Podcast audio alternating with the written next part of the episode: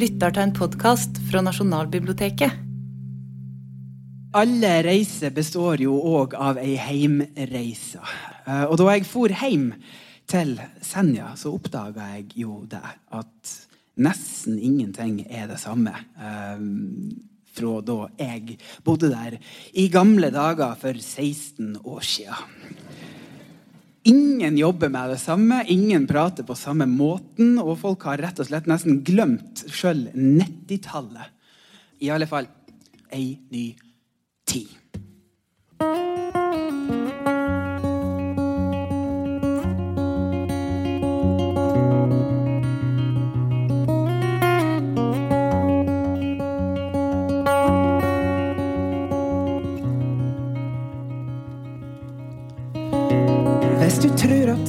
At stoppa opp den dagen du flytta, da må du tru om igjen. Du ramma bildet inn lenge før malinga størtna. Nå er du blitt en av dem. Noe har skjedd, og det skjedde fort. En vei og ei bru, og så var det gjort. Stilt som et kvisker og kvast som ei klo. Er ny tid nå.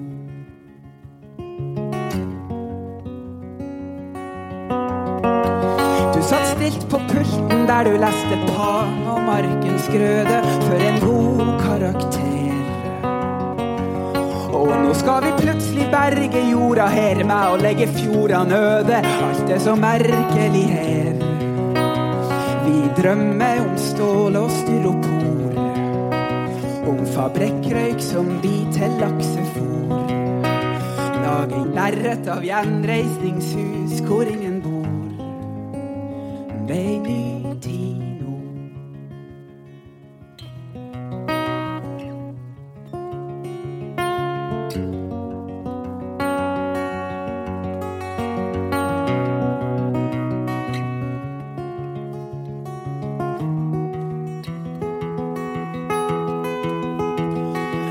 Ja, du setter kursen sørover med vyer og visjoner og ei stilsikker penn. Men det landet som du sang om, det er borte og vil aldri bli det samme igjen. Nå er det din tur å sette spor. Plante et frø i vår varm jord. Bruer skal brennes, og sår skal få gro.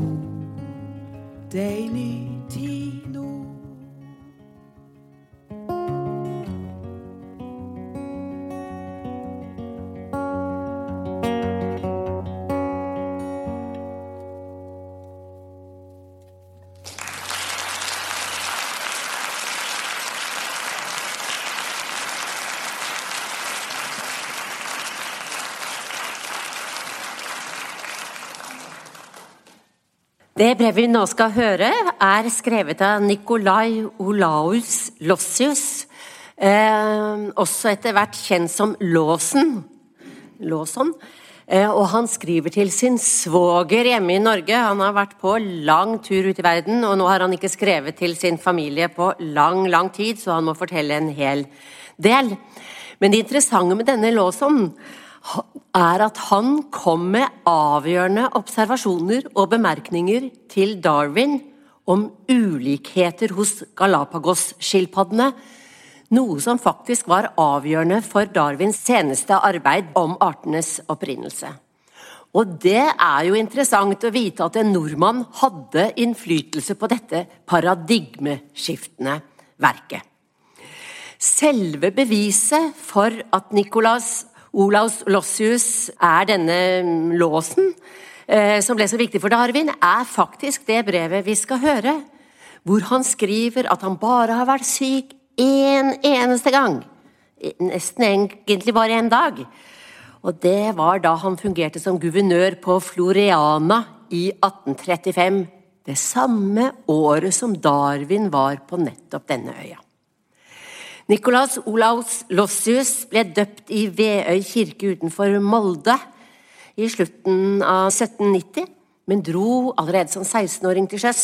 Og at det ikke akkurat ble en kort og begivenhetsløs reise han la ut på, det er brevet et bevis på. Hvis vi tror ham på alt, noe jeg er usikker på. Nikolai Olaus Lossius' brev leses av Øystein Røger.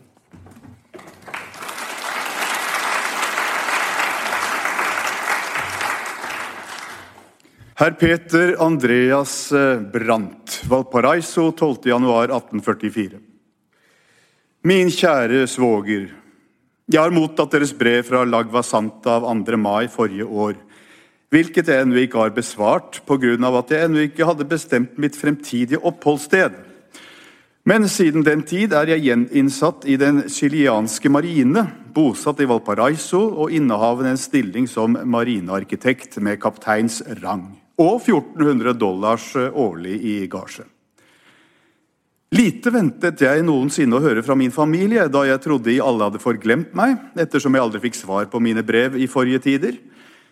Men eh, da jeg nå har hatt den glede enda en gang å høre fra eder, vil jeg betrakte dette som en ny epoke i mitt liv. Og jeg forsikrer dem at dette har tatt en tung byrde fra meg. Og nå håper jeg da å få høre så ofte som mulig fra eder. Da jeg er dem ganske ubekjent, er det nødvendig at jeg gir dem en kort beretning om mitt omflakkende liv. La meg nå først fortelle dem at jeg forlot mitt eget land med kun litt kjennskap til mitt eget språk, og at jeg snart lærte så meget engelsk at jeg kunne lære meg selv navigasjon. Jeg har vært min egen lærer i alt hva jeg har lært. Etter en del strev, en del flid og noen skrammer oppnådde jeg å få kommandoen over et skip tilhørende Philadelphia i 1811, og tjente nå en del penger. I krigen mot England tjente jeg som løytnant på armerte skip av Philadelphia og New York. I 1813 ble jeg såret i den høyre arm og ble tatt til fange av de engelske. Jeg kom snart fri av fangenskapet og vendte tilbake til Amerika og begynte forretninger med skipsbyggeri i Miramichi i Ny-Brunsvik. Så dro jeg til Chile og gikk inn i dette landets marinetjeneste som sailingmaster på fregatten Lautaro. Nå ble jeg gjort til løytnant på den nye prise kalt Maria Isabella Lord Cochrane gikk på denne tid i Chiles tjeneste, og jeg forble nå i marinen under ham inntil 1820, da jeg under Valdivias batterier ble såret og deretter fikk kommando på en brigg på 16 kanoner, men måtte trekke meg tilbake pga. mine sår. En tid efter førte jeg et stort skip hjemmehørende i Calcutta, og nå begynte jeg å tjene penger. og Ved tilbakekomsten fra Indien hadde jeg omtrent 45 000 dollars, eide selv en brigg og håpet å tjene enda mer. Var nå heldig inntil året 1826, da jeg mistet et skip på Valparaisos havn og et annet i Sydhavsøyene, og det følgende år et hus som jeg eide i Kalao, ved ildbrann. Og Siden har, den tid har min stilling vært mindre god, men jeg har dog aldri vært i mangel eller hatt næringssorg. Jeg har to sår i hodet, to i den venstre arm og skulder, og nyter dog ennå god helbred. Men de må også legge merke til at jeg aldri nøt spirituosa. Aldri har hatt mer enn én eneste sykdom i mitt liv, og det var i 1835. Da jeg anførte en koloni av Floriana for regjeringen i Ecuador. Kun føler jeg stivhet i høyre hånd som forhindrer meg fra å holde pennen, men ellers rask i enhver henseende. Jeg lever komfortabelt, har også hus og landsted i Valdivia, men som er meg til liten hygge nå, da mine forretninger ganske nøder meg å oppholde meg i Valparaiso. Jeg vil nå også gi dem eh, underretning om mine familieforhold. I 1820, da vi inntok Valdivia, tok jeg til fange en kaptein av den spanske armé ved navn Ascheno. Han var hardt såret og døde kort efter å ha anbefalt meg, uaktet hans fiende, sin familie. Hans datter, da 13 år gammel, ved navn Rosario Ascheno, som jeg i 1824 ektet, har alltid gjort meg livet lykkelig. Hun er niesa general Cruz, av den avdøde guvernør av Valparaiso. Likeså niesa av den spanske generalen Molina, der ble drept under slaget ved Chile 1814. Hun er beslektet med flere av de første familier i Syd-Amerika, og jeg er alltid blitt vist megen aktelse av dem. Jeg har to svogere som er kjøpmenn, og dessuten en som er resgard of the port of Valdivia. Jeg har en datter oppkalt efter min kjære moder. Hun er nå fem år gammel. De kan jo være trett av gammel sjømanns hendelser, men jeg kan kunne skrive blader fulle med fortellinger om de farer jeg har opplevd, da jeg har vært et av de heldigste mennesker som kan eksistere. og har sett døden grine meg i ansiktet mer enn én en gang. Vær nå så god å underrette meg så meget som mulig om alt eh, hva der angår mine søstre. I mitt neste brev vil jeg fortelle dem grunnen til å ha tatt navnet Låsen. Hils kjærlig mine søstre og alle deres barn, og jeg forbliver alltid min kjære svoger, deres mest hengivne N.O. Lawson.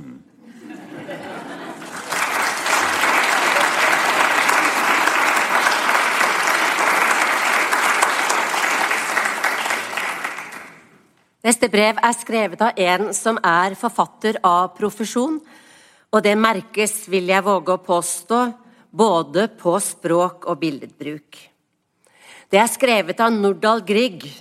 Grieg døde som kjent i 1943 eh, da han var om bord i et bombefly som ble skutt ned over Berlin. Han var politisk radikal, deltok aktivt i samfunnsdebatten på ulike måter i mellomkrigstiden, og reiste også til de stedene hvor det brant politisk. Brevet vi skal høre, er skrevet under den spanske borgerkrigen 1937. Nordahl Grieg har sammen med noen andre vi ikke er helt sikre på hvem er, krysset grensen mellom Frankrike og, Frankrike og Spania og kommer inn i den spanske landsbyen Portbo, hvor Walter Benjamin senere, ikke så mange år etterpå, tar sitt eget liv. Han var redd for han ikke skulle komme unna. Som jøde var han da på flukt fra nazistene. Grieg skriver svært tankevekkende om krigsatmosfæren, og særlig om følelsen, den følelsen av at den kunnskapen han til da hadde ervervet seg, liksom var med ett ubrukelig. Han har en følelse av å være naken, at alt han burde kunne nå i krigen, det kan han ikke. Det står 'du trodde at du ikke var så verst allmenndannet', sier han til seg selv. Men hva kan du? Egentlig, liksom. Nordahl Griegs brev leses av Lasse Kolsrud.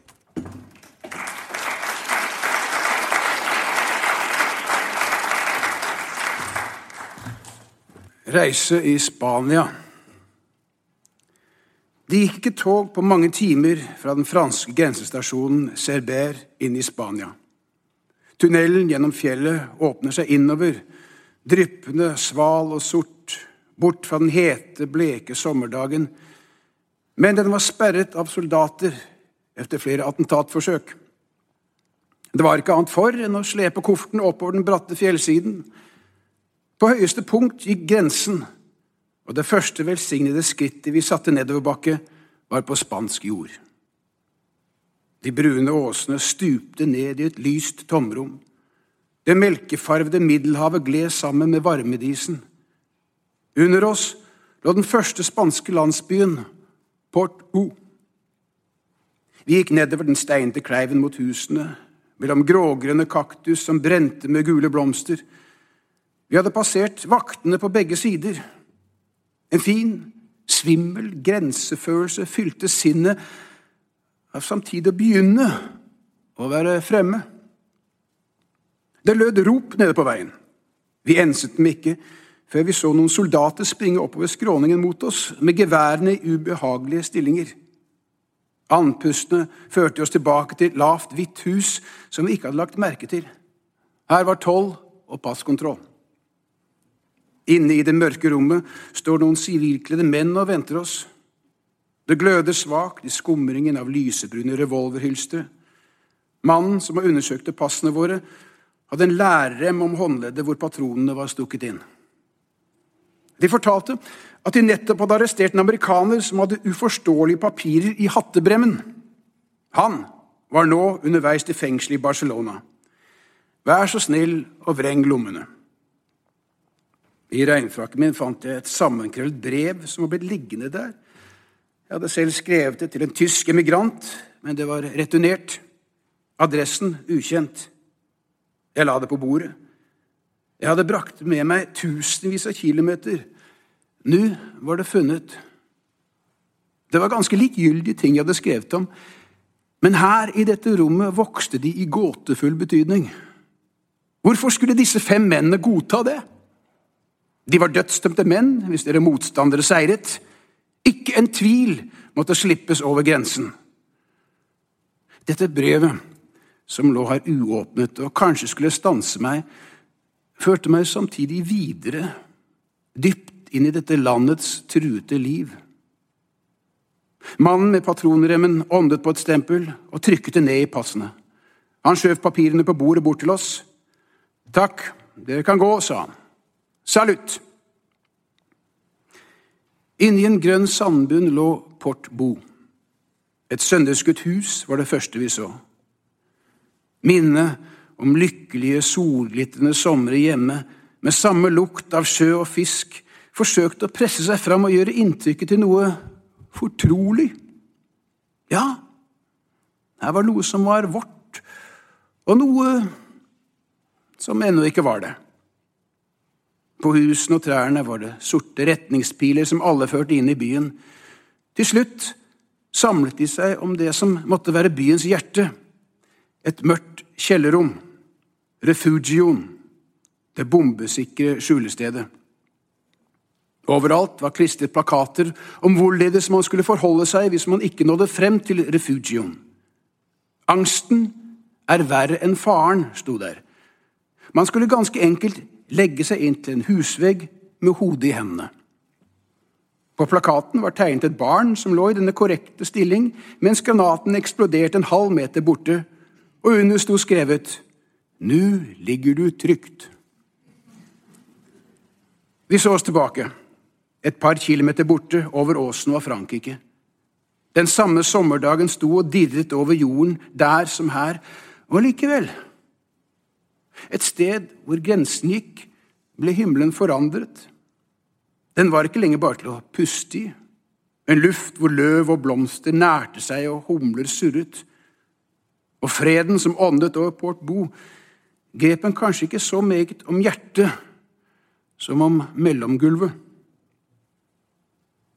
Efter noen timer fikk vi et tog sydover til Barcelona. Appelsintrær i solnedgangen jaget forbi. Vinbusker som skjøt opp lik en grønn, lysende glede. Menneskene inne i toget var snille. På spansk vis delte de alt med hverandre, brød og vin. Med ett saknet toget farten. To flyvemaskiner kom innover gjennom kveldshimmelen. Er det våre? spurte jeg mannen ved siden av meg. Hvis de ikke skyter, er de våre, svarte han. En soldat sa at når toget stanset, skulle alle løpe ut, spre seg og søke dekning under vinbuskene. En eiendommelig følelse fylte meg. Du trodde at du ikke var så verst allmenndannet, sa jeg til meg selv. Men hva kan du?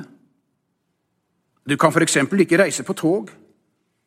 Og du står kanskje aldeles ikke noe høyt når det gjelder å ligge ved en husvegg. Ingenting som er nyttig og nødvendig i denne kulturepoken, har du lært deg. Du er naken og udugelig. Toget øket igjen farten. Flyene var gjenkjent. To republikanske jagere drønnet lavt nedover oss. Neste natt kom vi til Valencia.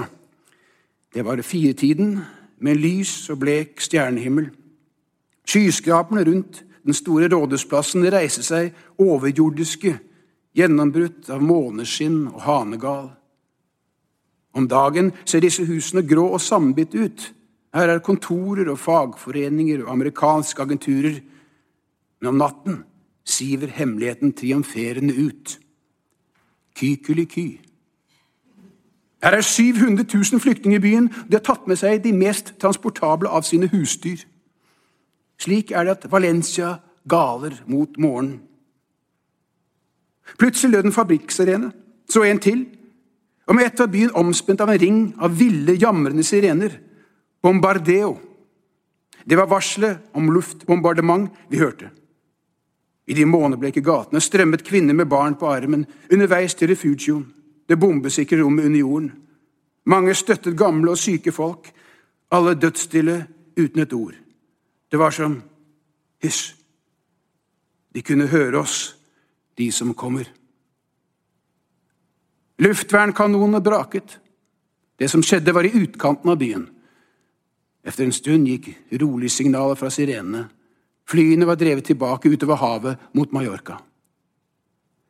Også denne natten, mens jeg sto opp mot en husvegg og ventet, følte jeg bristen i min allmenndannelse. Morgenen efter søkte jeg opplysninger. Bombeflyene kommer med en fart av 200 km i timen. De signaliseres 40 km borte, og da går sirenene. Altså Der er tolv minutter mellom varselet og den første bomben som kan falle over byen. Og da sirene gikk neste natt, var jeg mer på høyden av vår tids kultur og kunne kle på meg med den viten at her var god tid. Så snart det absolutt ukjente elimineres, går det an å leve. Også her.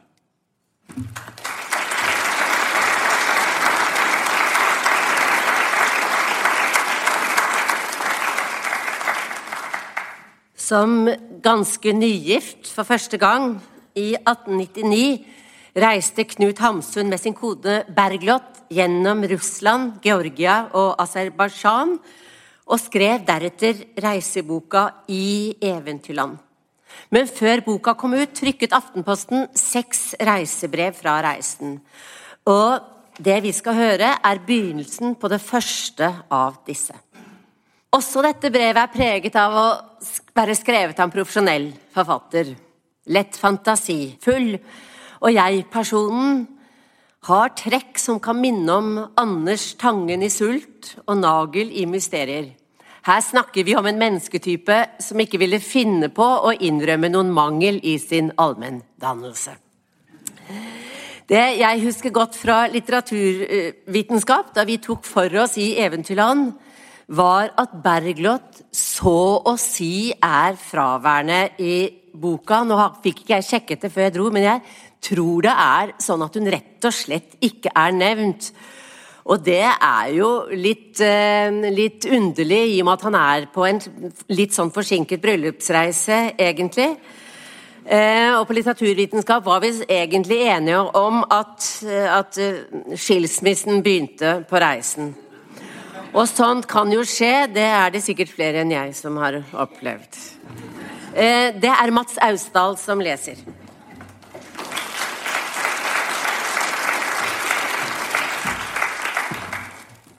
Under halvmånen av Knut Hamsun. Innad Bosporos. Vi kommer fra Østen og skal inn til Konstantinopel. Det er en mild høstkveld. Sortehavet ligger blikkstille, og langs tyrkisk Armenien ser vi menn i skjorteermer som sitter og røker utenfor sine stuer. Vi kan se røken av deres piper. Så stille er det. Maskinen får hele skipet til å riste. Det er Marseille-båten Memphis vi er om bord i. Den strekker ut alt hva remmer og tøy kan holde for å komme inn til Konstantinopel allerede i aften. Men etter hvert som vi bruser frem, blir håpet mindre og mindre. Kapteinen svarer oss alle at nei, det er tvilsomt om vi greier det. Like ved innløpet til Bosporos, på Ekutari-siden, ligger nemlig en liten by som heter Kavak. Denne by har vi ennå ikke passert, og det er hele knuten. Kavak er så uskyldig, den ser så uskyldig ut. Der er uhyre murer efter festningsanlegg på høydene. Men der er også et sterkt, moderne batteri med kanoner skjult inne i ruinene. Og kan vi ikke komme forbi disse kanoner innen solnedgang, så er løpet stengt. Vi bruser frem. Vi ser allerede Kavak et stykke forut. Men kapteinen svarer nu oss alle nei, vi greier det ikke. Kapteinen er en liten sort sydfransk mann. Der er noe galt med hans venstre øye, som han skjeler med. Men da forstår jeg ikke at han kan være et stort skipskommandant. Hæ, slikt noe, kommandant, tenker jeg, og håner ham godt fordi han ikke greier kavak innen solnedgang. Han er vel simpelthen blind på venstre øye, og slikt noe skal være en kommandant. Så nå har vi bare noen kabellengder igjen til fortet. Vi står med våre ur i hendene og teller. Men da ingen av oss har rede på tyrkisk tid, så teller vi i grunnen på det uvisse. En japaneser står ved min side. Han er handelsstipendiant, oppdratt i England, en liten, flink herre som har reist denne reisen før. Hans mening er gull verdt. Hva er tyrkisk tid? Jo, det skal jeg straks si dem, svarer han og peker opp til fortet. Eh, de ser den soldaten der, han som går hen til eh, flaggstangen. Hold øye på ham. Soldaten ga seg til å stå ved flaggstangen. Plutselig lyder et signalskudd. Soldaten stryker flagget. Klokken er seks, sier japaneseren. Det er solnedgang. Akkurat midt for vår nese, just da vi var kommet til fortet. Nei, naturligvis kunne vi ikke nå Konstantinopel i kveld med en blind skipper. Gud vet om vi noensinne når Konstantinopel på en slik måte. Jeg reiser aldri med en franskmann mer.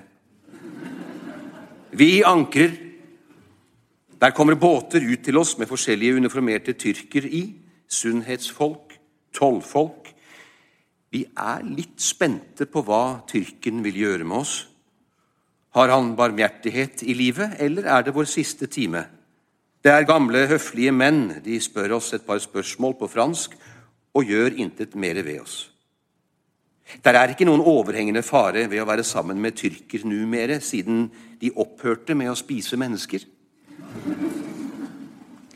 Jeg eh, byr en av tollerne en sigarett for å innsmigre meg hos ham. Han mottar sigaretten og gir meg en av sine til gjengjeld. Og alt skjer med franske bukk og takksigelser. Det er dog svært, tenker jeg, hvor langt man kommer selv med en vill tyrk når man bare har det rette laget.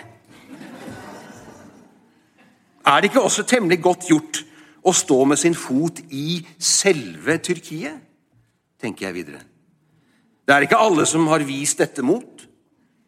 Tyrken spiser ikke mennesker mer, nei vel, men tør noen påstå at han er tannløs? Har noen annen norsk forfatter vovet seg hit til dette land? Goethe reiste en gang fra Weimar til Italien, men besøkte han Tyrkiet? Kort sagt det er temmelig godt gjort. Bak oss ligger Sortehavet lysegrønt og stille. Det begynner å skumre. Dagen går ut. Nederst i horisonten brenner en rand av blod og gull. Jeg synes ikke jeg har sett så heftige farver før under noen himmelstrøk. Og jeg har en følelse av at intet er så vakkert som det Gud selv gjør. Dette blod og gull står stille. Det svinner blått ganske langsomt. Og når det helt ut er gått, blir havet nedenunder sortblått og tungt. Så inntrer mørket. Oppe i byen Kavak tennes lysene, og vi selv henger lanterner ut. Det er stille om bord. Jeg går nedenunder.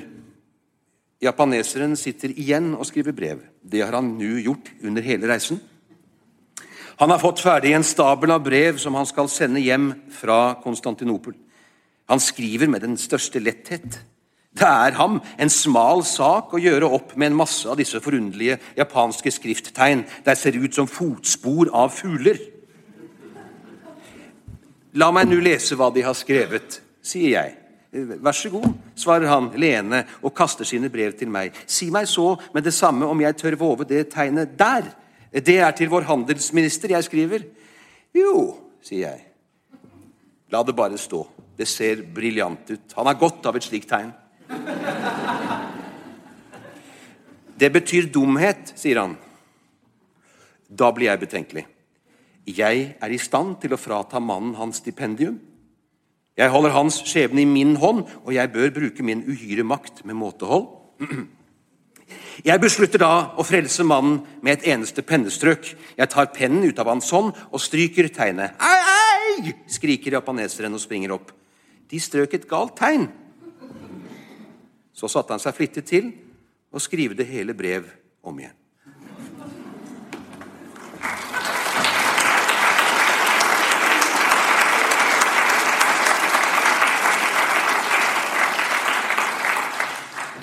Det siste brevet vi skal høre i kveld, er hjerteskjærende lesning til tross for all språklig nøkternhet.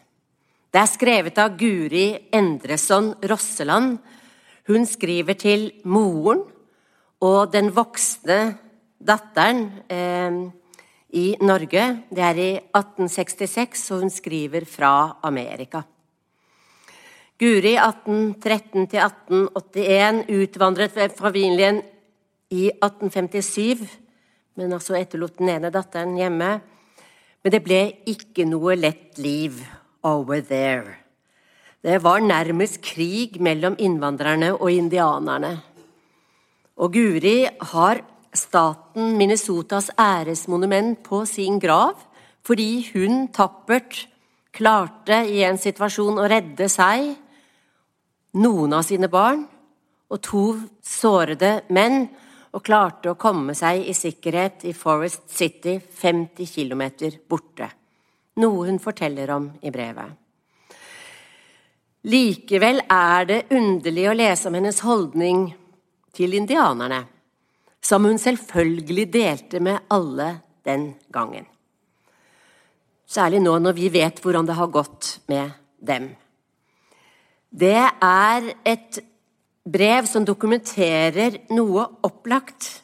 At det vi finner som det naturligste i verden, sannheter vi finner så selvfølgelig at vi aldri betviler dem, er kontekstbaserte, bundet til tid og sted, og derfor i stadig øh, forandring. Og dette burde vi huske på ofte når vi tror oss sikre på saker. Guri Endreson Rosselands brev leses av Gisken Arman.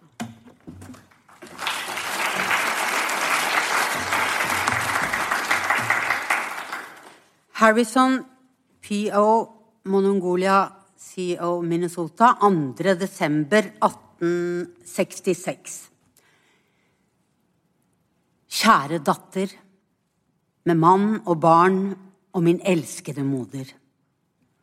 Eders brev av 14. april dette år har jeg mottatt, og for hvilket jeg herved fremsender eder min hjertelige takk, da det er meg en stor glede at høre fra eder at de lever, er ved helse og i øvrig lever vel. Jeg må også i korthet underrette eder om hvorledes det har gått med meg i den senere tid. Dog må jeg be eder unnskylde meg fordi jeg ikke før har underrettet eder om min skjebne, da jeg ikke synes å ha formådd så meget som å skrive til eder, da jeg en tid, mens de ville grasserte så grusomt, ikke tenkte på annet enn å bli myrdet med hele min familie av disse grusomme hedninger. Men Gud være lovet. Jeg unnslapp med livet uskadd av dem, og mine fire døtre ble også uskadde av faren. Guri og Brita ble bortslepne av de ville indianerne, men også disse fikk anledning den neste dag til å rømme fra dem, da de ville ga dem lov til å gå hjem og få seg mat, og disse unge piker benyttet da denne anledning til å rømme, og kom således frelst av sted. Og den tredje dag efter at de var tagne, kom der noen amerikanere som fant dem på en stor slette eller prærie og brakte dem til folk. Jeg selv tumlet på mitt land med min yngste datter og måtte se på at de skjøt i hjel min dyrebare mann. Og min kjære sønn Ole ble mitt påsyn skutt gjennom akselen, men han ble god igjen av dette sår og levde litt over et år, og ble da syk og døde. Min eldste sønn, Endre, fant vi også skutt død men jeg så ikke på når dette dødsskudd ble avfyrt. Jeg måtte da imellom frykt og håp og nesten i forvirring sveve her med min lille datter i to døgn før jeg fant min sårede sønn og et par andre uskadde som hjalp oss av sted til mer sikkerhet. Og å være øyenvitne til det anførte og å se mange andre sårede og ihjelskutte var for en stakkars kvinne nesten for meget å tåle. Men gudskjelov, jeg beholdt liv og sans. Men eh, alt mitt rødlige gods ble bortrøvet og stjålet. Men dette var dog intet når jeg bare hadde måttet beholde min elskede mann og barn. Men hva skal jeg si? Gud eh, tillot det å skje således. Og jeg måtte finne meg i den tunge skjebne og takke ham til, for han skånet mitt liv og noen av mine kjære barn. Jeg må også bemerke at den 21. august var fire år siden jeg måtte rømme fra mitt kjære hjem, og siden den tid har jeg ikke vært på mitt land, da det kun er et sørgelig skue. Fordi der hvor jeg hadde et hyggelig hjem, er nå bare ruiner og levninger etter og minnesmerker efter de grusomme indianere. Dog flyttet jeg opp til nabolauget igjen i sommer.